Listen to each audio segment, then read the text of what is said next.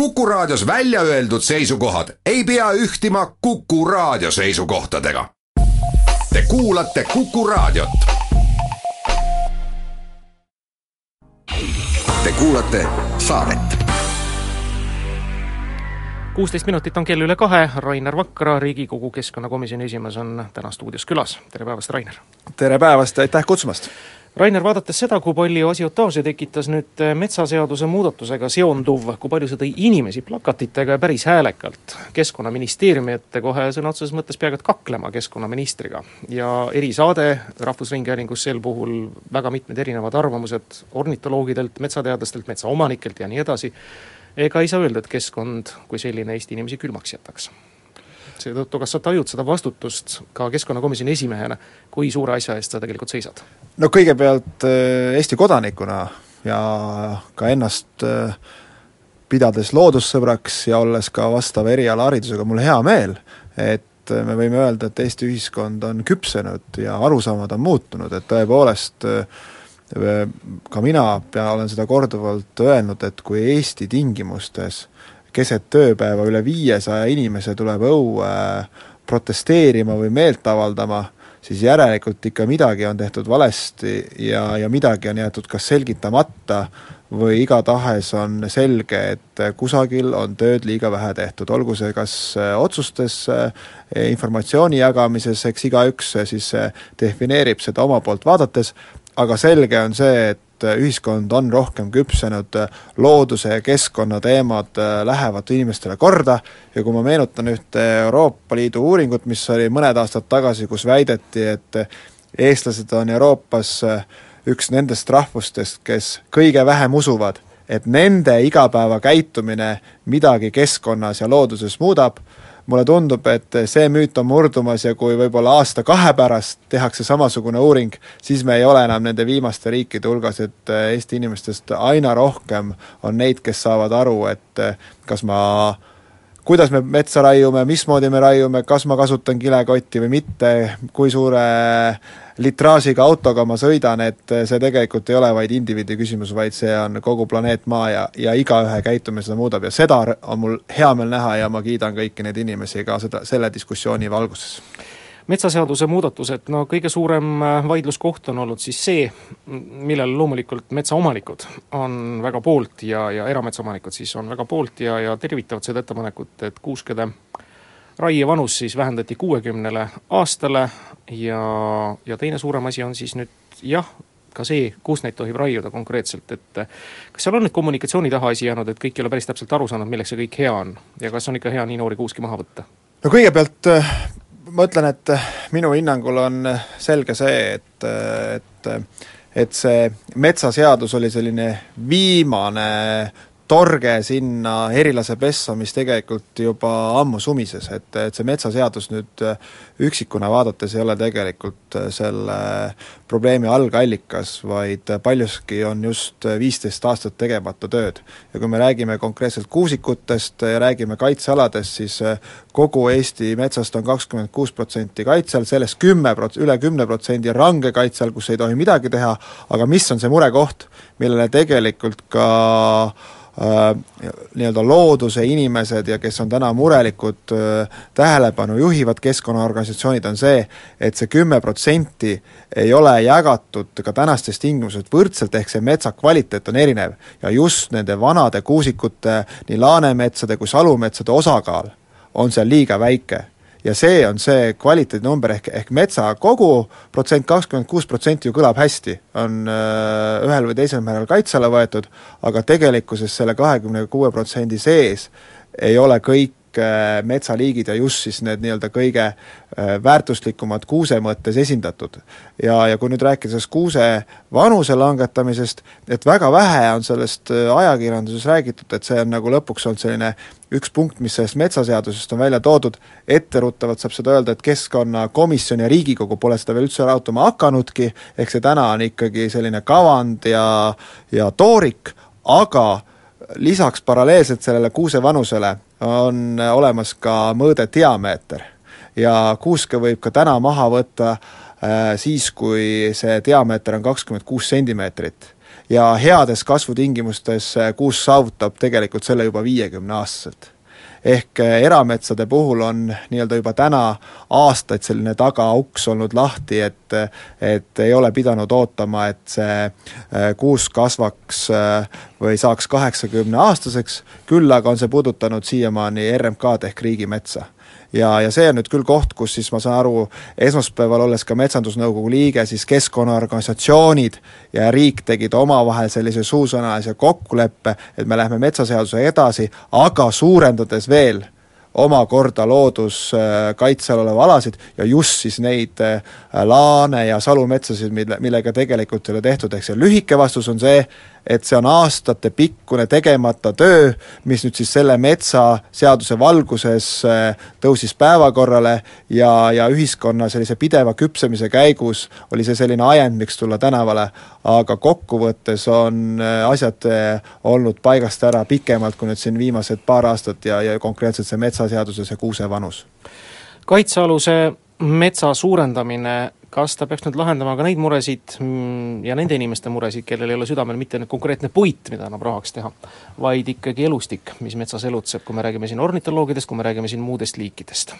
Äh, kindlasti see on äh, ju kaitse alla võtmise eesmärk ja teiselt poolt äh, muidu kindlasti on neid, kes ütlevad, et juba niigi palju on kaitse alla võetud ja ja kõike ei saa kaitse alla võtta, et lõppkokkuvõttes täna on ka metsade kaitse alla võtmine väga paljuski ainult RMK ja riigimetsade küsimus. et äh, kui me vaatame erametsades, erametsade protsent on kordades väiksem, mis on kaitse alla võetud ja loomulikult eraomand, eraomand ja, ja ka täna on ju riik väga selgelt võtnud otsuse vastu, et kui varasemalt aastas äh, oli null koma kaheksa miljonit eurot see, mille eest siis neid kaitsealasid välja osta, ehk kui teil, härra Timo Tarve, on metsatukk, kus leitakse lendorav, lendorav mm, -hmm. siis täna on ikkagi eelarves neli miljonit eurot, et teilt see metsatukk välja osta, et teie eraomanikuna seda äh, kaotust äh, oma rahakotis või oma pensionifondis ei tunnetaks, ehk see number on oluliselt kasvanud. see protsess on ju väga pikk. see protsess on olnud väga pikk, aga täna oleme me juba jõudnud äh, sinnamaani, et eelmine aasta oli see kolm miljonit, neli miljonit, et me loodame selle nelja-viie aastaga nii-öelda joone alla tõmmata ja öelda see, et see protsess on lõppenud, aga loomulikult kui me ajalukku vaatame, siis see on ju üheksakümnendatest aastatest, kui juba mets tagastati, esimesed äh, äh, nii-öelda probleemid on äh, sellest ajast tekkinud ja, ja aegamööda on need lahendatud, loomulikult kui me vaatame pealinna ja pealinna ümbrus, siis on ka maatükid äh, kallimad, ehk ega lõppkokkuvõttes äh, ei ole, olene see alati suurusest, vaid oleneb ka asukohast, aga lahendused, kuidas neid looduskaitsealasid äh, äh, nii-öelda tekitada ja, ja loodust kaitsta ja seda ökokeskkonda mm, hoida, on tegelikult olemas, aga lõppkokkuvõttes me muidugi saame ka aru, et, et see tuleb ka kõigi meie enda ühiskondlikust sellisest rahakotist ja eelarvest. tänapäeva maailm on kahjuks selliselt üles ehitatud eks see metsaseadus loomulikult tekitab kirgi ja, ja hasarti ja, ja vajab veenvalt seletamist, palju nüüd ei jõua rääkida kilekottidest sinna otsa, aga kilekotid on vist juba selline teema, kus on konsensus märksa suurem ja pärast esmaspäeva, kui me vestlesime ja ka Vox Populis teema võtsime jutuks, siis äh, olid kõik väga päri sellega, et tõepoolest selliseid asju tuleb hakata keelustama, käisid ka omapoolseid mitmeid ettepanekuid välja, nii et selle kilekoti keelustamisega, kuidas nüüd komisjon jõudis konsensusele ilusti, see plaan läheb nüüd saali ja saab ka varsti vastu võetud ja millal nüüd siis ka ametliku kinnituse saab kõik see, mis juba poodides on kasutusele võetud. Lühike selline tagasipõige ja ma arvan, see seos äh, kilekottide ja, ja metsa juurde, et ma ütlen selle metsa juurde, et see põhiline äh, arusaama muutus, mis on toimunud, äh, on tegelikult just sellises inimeste keskkonnateadlikkuses, et et neid näiteid kilekotid metsa puhul, et kus inimestel aina rohkem jõuab kohale, et et kui kusagil on pa-, puu ümber kukkunud, et see ei ole mitte maha visatud ja, ja kõdunev raha, vaid see tegelikult on kõikide ökoloogide seisukohalt nagu suurepärane elukeskkond et sama on väga selgelt nende kilekottidega välja joonistunud, et inimeste arusaam, et tegelikkuses äh, Eesti inimesed, kes viimaste uuringute järgi kasutavad aastas üle kahesaja kilekotti, nendest siis nelikümmend nii-öelda siis tugevat ja suurt kilekotti ja sada kuuskümmend lige, ligikaudu seda eri, eriti õhukest kilekotti, on liiga palju, aga ma pean parandama, et et on riike tõesti, kes on keelanud nende kilekottide, õhukeste kilekottide kasutamise, nende hulgas on näiteks Prantsusmaa ja Itaalia, siis Eesti tegelikult ei keela Eestis on võimalik äh, nii neid õhukesi kilekotte kui suuri kilekotte jätkuvalt tarbida ja nii-öelda kasutada, aga see on üks oluline klausel, klausel, neid ei tohi ei kampaaniate käigus ega igapäevaselt jagada tasuta. ehk äh, müüja, kaupluse kett on kohustatud äh, määrama sellele hinna ja see tähendab seda, et isegi kui te ostate äh, näiteks väga kalli kas raamatu, Äh, apteegitooteid, ülikonna, rääkimata ka puuviljadest, siis iga kord kassaleti juures küsitakse, et kas te soovite kilekotti osta või mitte, et see ei kaasne nii-öelda automaatselt äh, kohe kaubaga, mulle endale meenub hiljutine vestlus raamatupoes ühe müüjaga, kes ei mõistnud ligemale kolme minuti jooksul, et ma tõepoolest seda kilekotti ei soovi tasuta kaasa võtta. kuidas te ei soovi? Kõik võtavad, see on tasuta, et kuidas te lähete, ma ütlesin jah, et ma võtan selle raamatu kätte ja istun rongi ja sõidan Nõmmele, et mul ei ole vaja seda kilekotti võtta, et et see küsimuse eh, kõige suurem äh, äh, nagu võit on see, et, et inimese käest küsida, kas te soovite osta või mitte, isegi kui selle kilekoti hind on üks-kaks senti, siis inimene on sunnitud mõtlema et kas mul on vaja seda või mitte, ja statistika näitab, et ikkagi väga suur hulk on inimesi siis, kui nad sellel hetkel peavad mõtlema, siis nad ütlevad ei, mul ei ole seda tarvis, sest nad lihtsalt igapäevaselt on muidu oma mõtetega niivõrd seotud ja see tuleb automaatselt kaubaga kaasa, et tegelikkuses midagi ei keelata, aga pannakse tarbija mõtlema, kas tal on vaja või mitte Rainer, kuidas te leiate loodussõbrana selle kompromissi ja ühtlasi ka rahvasaadikuna, kes peaks hea seisma Eesti majanduse hüvangu eest, et sellised looduskaitselised otsused ei piiraks nüüd Eesti majanduse väljavaateid, puudutab see siis näiteks maavarade kaevandamist või sedasama metsamajandamist? tuleb ausalt vaadata peeglisse, öelda, et ongi väga keeruline ja tulebki pidevalt olla vahekohtunik ja vaadata ühelt poolt ja teiselt poolt, aga suurema osa asju Äh, nii nagu ma olen ka siin varasemas äh, kahes vastuses äh, selgitanud, muutuvad ühiskonnas ja ma-, muutuvad inimeste arusaamadega ja, ja ma ütlen, keskkonna näites üks väga hea näide oli eelmisest nädalast, kus Ameerikas lõpetas tegevuse maailma kõige vanem tsirkus, mis köitis publikut sada kolmkümmend seitse aastat ja täna paneb oma uksed kinni, sest et äh, inimesed lihtsalt äh, ei soovi näha, kuidas äh, elevandid tantsu löövad ja ja me ka Keskkonnakomisjonis tuleme veebruarikuus selle juurde, et keelustada metsloomade kasutamine tsirkuses, nii et neid näiteid, kus lihtsalt ühiskond on küpsenud kahekümne esimene sajand ja me saame aru, et ilma keskkonnasõbraliku käitumiseta, et see ei ole puhas sõna, säästlik majandamine, ei ole võimalik ka Eesti metsa majandada ja sellest saavad täna aru ka Eesti metsatöösturid. saadet soojendab soeauto, lülita külm välja.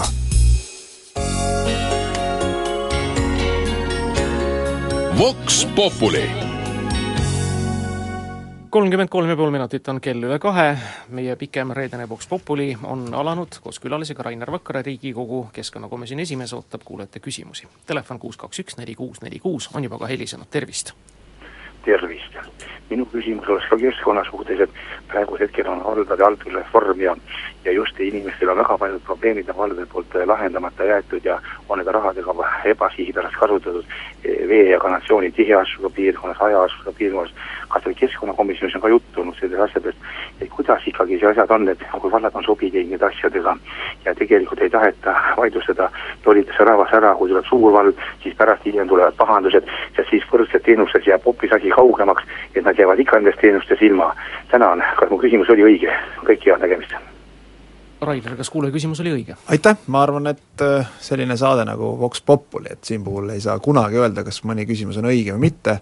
iga kord, kui keegi helistab ja küsib, siis võibki selgelt öelda, et küsimus on õige. mis puudutab nüüd konkreetselt seda, et äh, kusagil on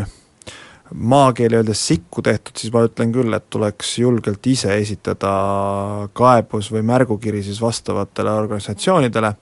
mis puudutab nüüd konkreetselt äh, nii kanalisatsiooni kui ka kohati ka sadevee küsimust, äh, siis äh, Keskkonnainvesteeringute Keskuses on ju vastav programm tegelikult juba aastaid olnud, äh, kes seda omavalitsuste puhul toetab, ma julgen väidata, et sealne komisjon ikkagi väga spetsiifiliselt vaatab läbi nii omavalitsuste enda eelarve ja lisab siis sealtpoolt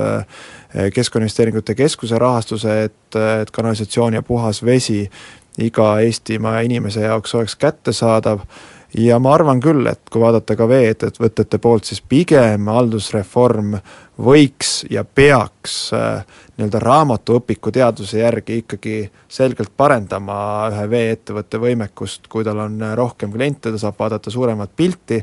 aga kui on üksikuid selliseid tõrvatilke meepotti, siis ma ütlen küll, et pigem tuleks need julgelt päevavalgele tuua ja kui on veel hullem, siis tuleb ka reaalselt nendesse instantsidesse kirjutada, kes seda uurib.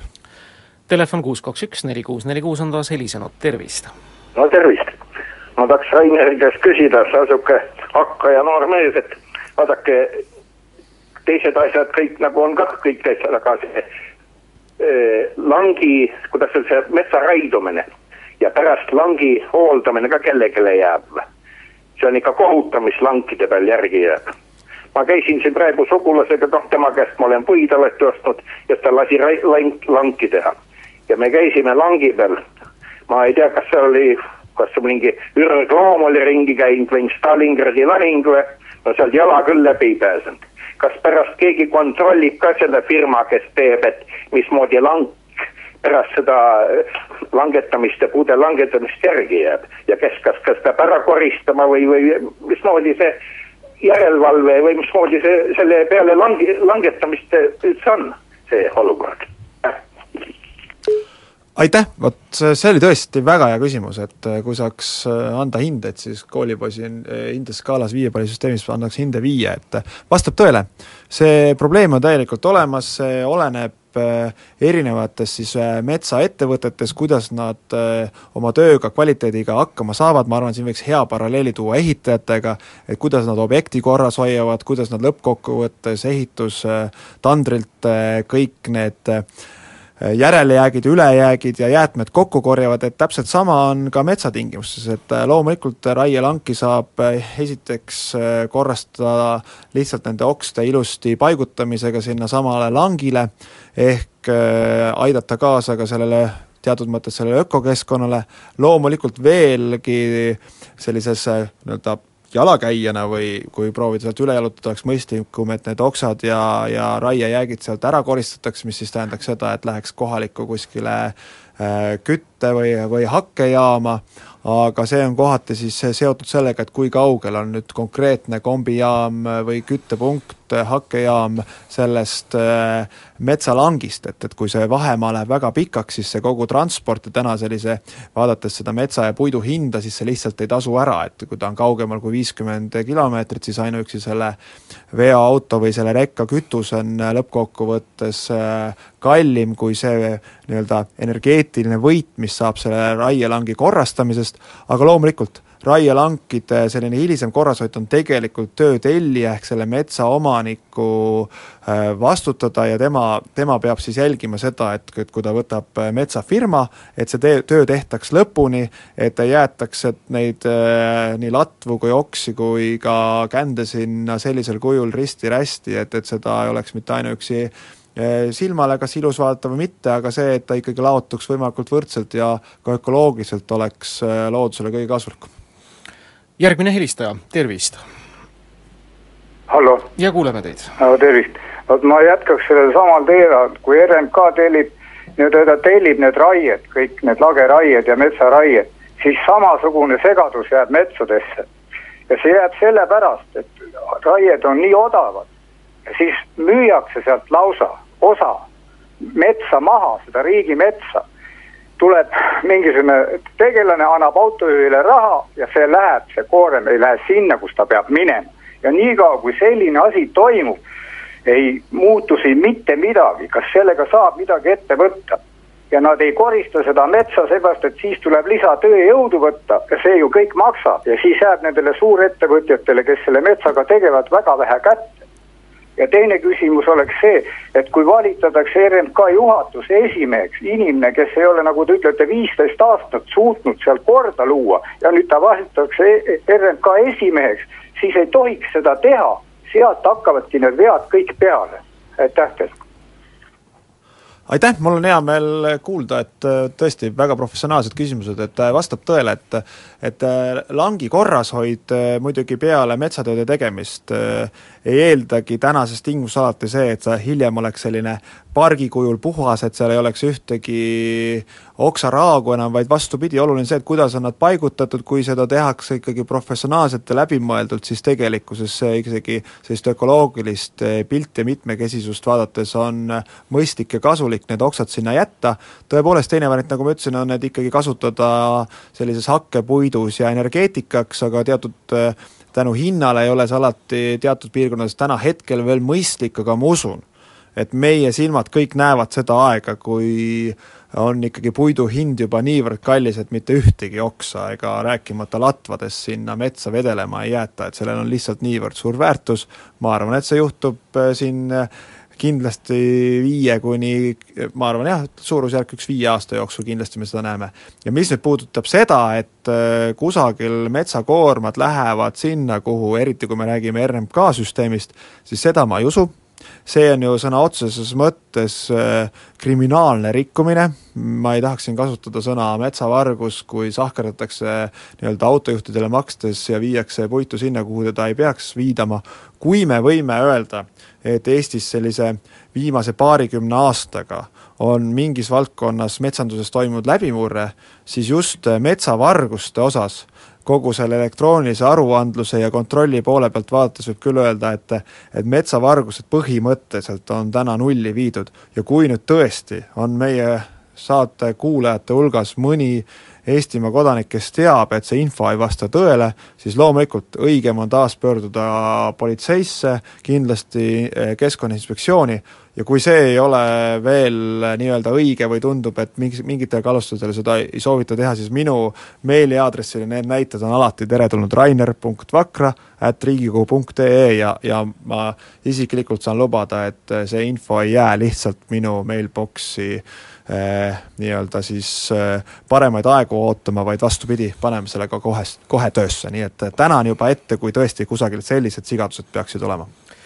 Ja järgmine helistaja number kuus kaks üks neli kuus neli kuus, olgu ka vahepeal meelde tuletatud ja ütleme tervist. tervist! tahtsin küsida, et äh, olete teeninud jäätmefirmade eriti nende Rootsi filiaalide suure populaarsuse, et kas see on läbi selle, et muutsite jäätmeseadust ja Tallinna linnavalitsusel läinud läbi äh, muuta Tallinnas äh, prügivedu tasuta ja teine küsimus on see, et, et äh, see kilekott, see kõige viimane kilekott, millel ei ole ühtegi reklaami, millel ei ole ühtegi trükist, tähendab, seal ei ole mingisugust muud alltöövõttu peale selle tühise kilekoti on nüüd toodud selliseks mingisuguseks musternäiteks siis keskkonnakaitsele, eks ole, näiteks mina, minul näiteks siin Vares veab ka siin konte sinna üles korstnasse, kui ma alt korstnajalast nüüd korjan, ma seal ühtegi kilekotitükki küll ei näe, et et ei, ei söö need linnud midagi, neid kilekotte, lihtsalt ma tahtsin küsida, et et kas äh, see keskkonnapoliitika on rohkem selline raha tegemise poliitika või on see mingisugune ikkagi ka mingi eesmärgipärane poliitika, aitäh! Aitäh, kõigepealt vastan sellele, mis puutud, puudutab jäätmevedu, et olles äh, ise lõpetanud äh, Tallinna Ülikoolis oma esimese kõrghariduse matemaatika loodusteaduskonnas keskkonnakorralduse teinud pakendijäätmete süsteemi kohta oma lõputöö, siis äh, no ütleme siis nii, et üks kõige hullem asi, mis saaks olla, oleks tasuta prügivedu. ja ma võin saatekuulajaid kas siis keda rõõmustada, keda lohutada, et ka Tallinn linn ei ole seda plaaninud jäätmeveo puhul peab lähtuma ühest väga konkreetsest keskkonnaalasest põhimõttest, kui inimene on nutikas, kaasalööv ja mõistlik ja sorteerib jäätmeid, siis me lõppkokkuvõttes võime öelda, et teatud tingimustel võiks see tõepoolest toimuda tasuta, nagu ta ka täna on, äh, paberi, pakendi, klaasi puhul, kui aga me räägime olmejäätmetest ja sellisest äh, laisast lohakast käitumisest, kus me viskame kõik äh, ühte suurde konteinerisse ja see viidakse tasuta ära, see tähendab hästi lihtsalt äh, kõik need inimesed, kes siis sorteerivad, äh, lõppkokkuvõttes äh, tekib neil küsimus, et milleks siis sorteerida, kui niikuinii kõik viiakse tasuta ära. ehk äh, lühidalt see süsteem peabki olema üles ehitatud nii ja lõpuks on sellest ka Tallinna linn aru saanud. ehk väärtuslik ja nutikad inimesed, kes teevad seda mõistlikult, peavad seda saama kas tasuta või soodsalt, kui sa oled laisk ja lohakas, siis sa pead selle eest maksma. ja see on selline põhimõtteline keskkonnapoliitika äh, selline parameeter, millest tuleb lähtuda kõikist, kõikide otsuste puhul, kui sa saastad ja tarbid, siis sa maksad selle kinni, kui sa oled öö, nutikas, kaasa, nii-öelda kaasamõtlev ja, ja keskkonnasõbralik, siis sa pead saama seda võimalikult väikse raha eest või miks mitte ka tasuta, nii nagu see on, kui piimapakendid, mahlapakendid, neid kõiki saab ära anda tasuta, ja, ja see on täiesti mõistlik tee ja, ja see on ka see hoob, millega me tegelikult jõuame sinnamaani, et näiteks aastaks kaks tuhat kakskümmend, mis on ka Euroopa Liidus kokku lepitud, et viiskümmend protsenti pakenditest võetakse uuesti taasringlusesse. ja mis nüüd puudutas seda teist küsimust, siis see oli meil seoses millega saatejuht aitab mind? Lõppküsimus oli see, et kas keskkonnapoliitika on väga hea raha tegemise koht, ma umbes jaa, kindlasti on keskkonnapoliitika koht, kus eesmärk ei ole raha teha. aga eesmärk on panna need maksma, kes keskkonnasõbralikult ja mõistlikult meie ressurssidega, mis tihti on taastumatud, ümber käituvad. ja mis puudutab neid kilekotte, siis kilekott on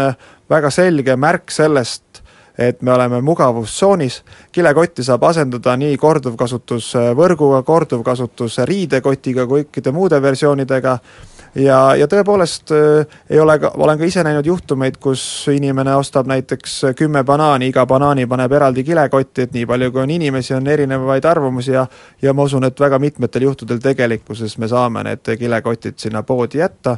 ja peale seda, kui inimese käest küsitakse, kas ta soovib seda osta või mitte, selle mõistliku otsuse ta, ta teeb. mina sellesse usun ja usun, et inimesed on äh, tegelikult oma südames ja hinges, eriti Eesti inimesed, äh, keskkonnasäästlikud ja sõbralikud ja neile lihtsalt vahest tuleb seda viisakalt meelde tuletada. Vox Populi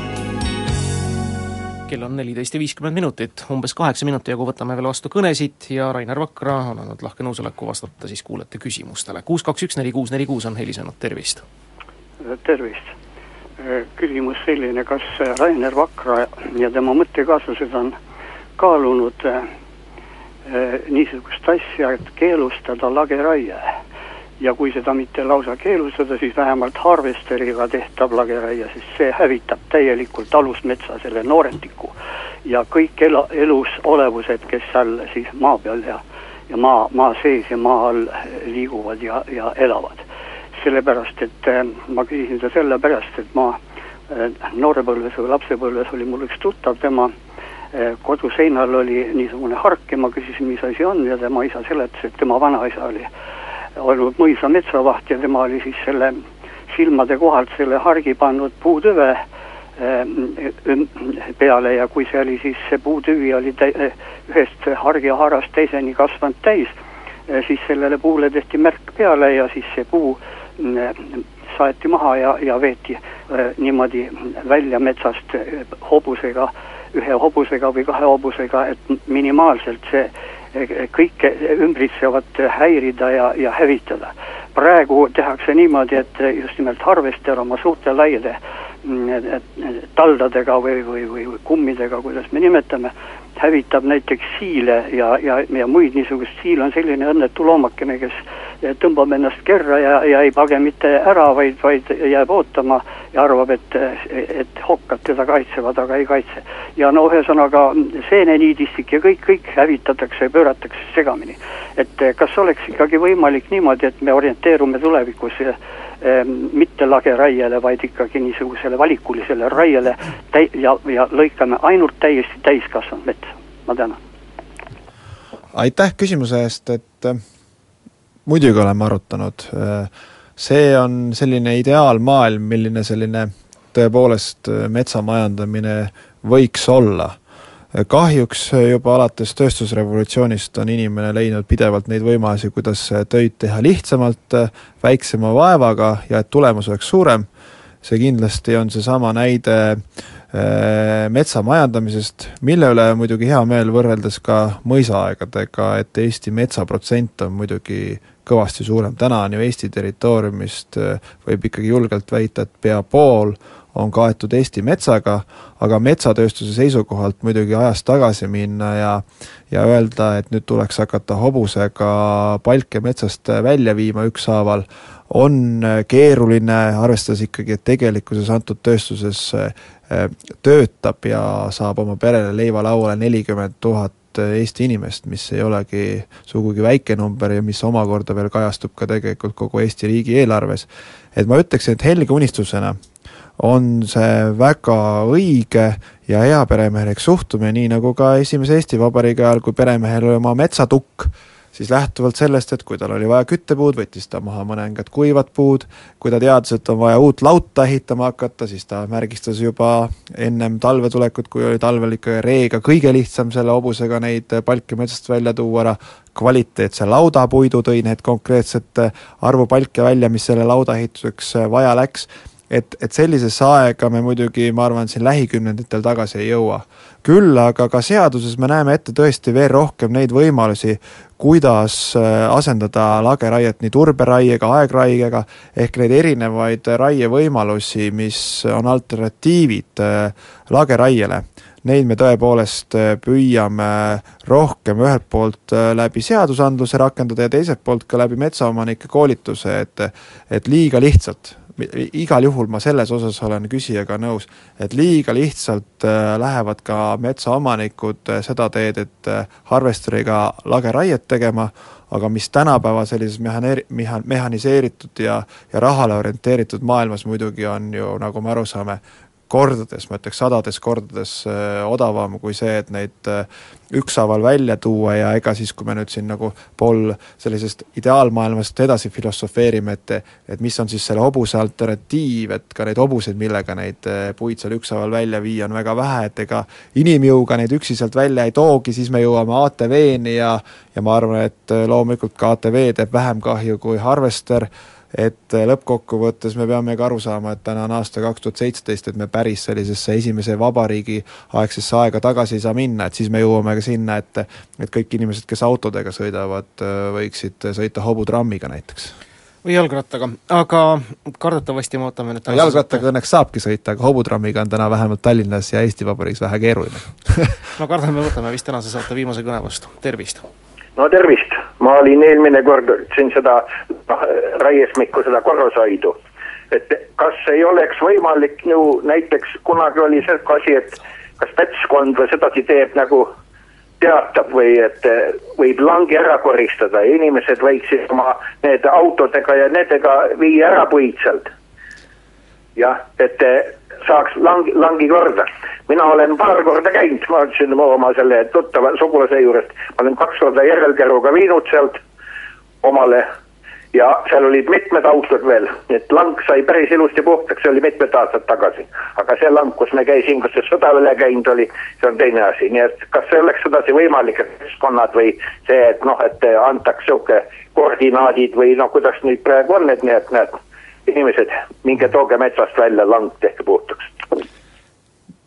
vastan äh, küsimusele rõõmuga, loomulikult meil on, põhimõtteliselt võime lugeda Eesti ka pindalalt Eesti metsad kaheks, ühed, mis on siis eraomanike käes ja teised, mis on äh, kaudselt siis riigi, aga otseselt siis äh, RMK hallata, mina tean, et RMK-s on küll selline süsteem, et kui kusagil on metsa tehtud ja on langis äh, langile jäänud siis äh, nii-öelda metsa, metsatööstuse või metsavõtu jooksul jääke, siis tegelikult on võimalik inimestel registreerida neid äh, ja täiesti legaalselt ja täiesti täiesti ka nä-, naerul suu ja rõõmuga neid sealt äh, minna kokku korjama, neid nii oksi kui ka suuremaid, väiksemaid latvu, nii et, et see süsteem tegelikult täiesti toimub, nii et tuleb RMK-ga ühendust võtta ja, ja ma tõesti ütlen, et, et riigi poolt vaadates selline võimalus on täiesti olemas, see ei ole midagi uut, seda on äh, võimalik rakendada. Ja mis puudutab muidugi eraomanikke, siis eraomanikega tuleb äh, tõesti öelda, et iga omanikuga tuleb iseseisvalt suhelda ja siis see oleneb juba konkreetselt omanikust, kas ta lubab või mitte, kas ta ütleb, et tere tulemast käruga tule loomulikult appi äh,, ole hea, vii ära neid oksi nii palju, kui sa soovid, või ta võib-olla näiteks ei võtagi üldse telefoni vastu või midagi muud sellist, et see on juba konkreetselt eraomaniku enda rõõm ja otsustada no eks ta on igas eluvaldkonnas niimoodi, ka ehitusjääke saab täpselt niimoodi ju teinekord ära võtta, küsides ilusti viisakalt ja aknaraamidest saab ka teha igasuguseid ilusaid asju ka ahju ajada, kui tarvis. suur tänu, Rainer, täna stuudiosse tulemast, väga põhjalik, ilusaid vastuseid andmas, ma annan ka koolipoisi hinde viis vastuste eest, nagu sa siin kuulajate küsimusi hindasid. Aitäh sulle veel kord tulemast, edu, jõudu töös ja kuulmiseni mõnel järgmisel korral! aitäh kutsumast ja ma loodan, et järgmine kord tuleb eh, pigem varem kui hiljem, sest et see saade nagu Vox Populi, noh, see teeb ikka päeva rõõmsaks ja kui ma hommikul juba üles ärkasin, ma teadsin, et ma saan vastata helistajate küsimustele, siis see annab kohe siis topeltenergiat, nii et mina olen tulemas, kui teie kutsute, aitäh! Vox Populi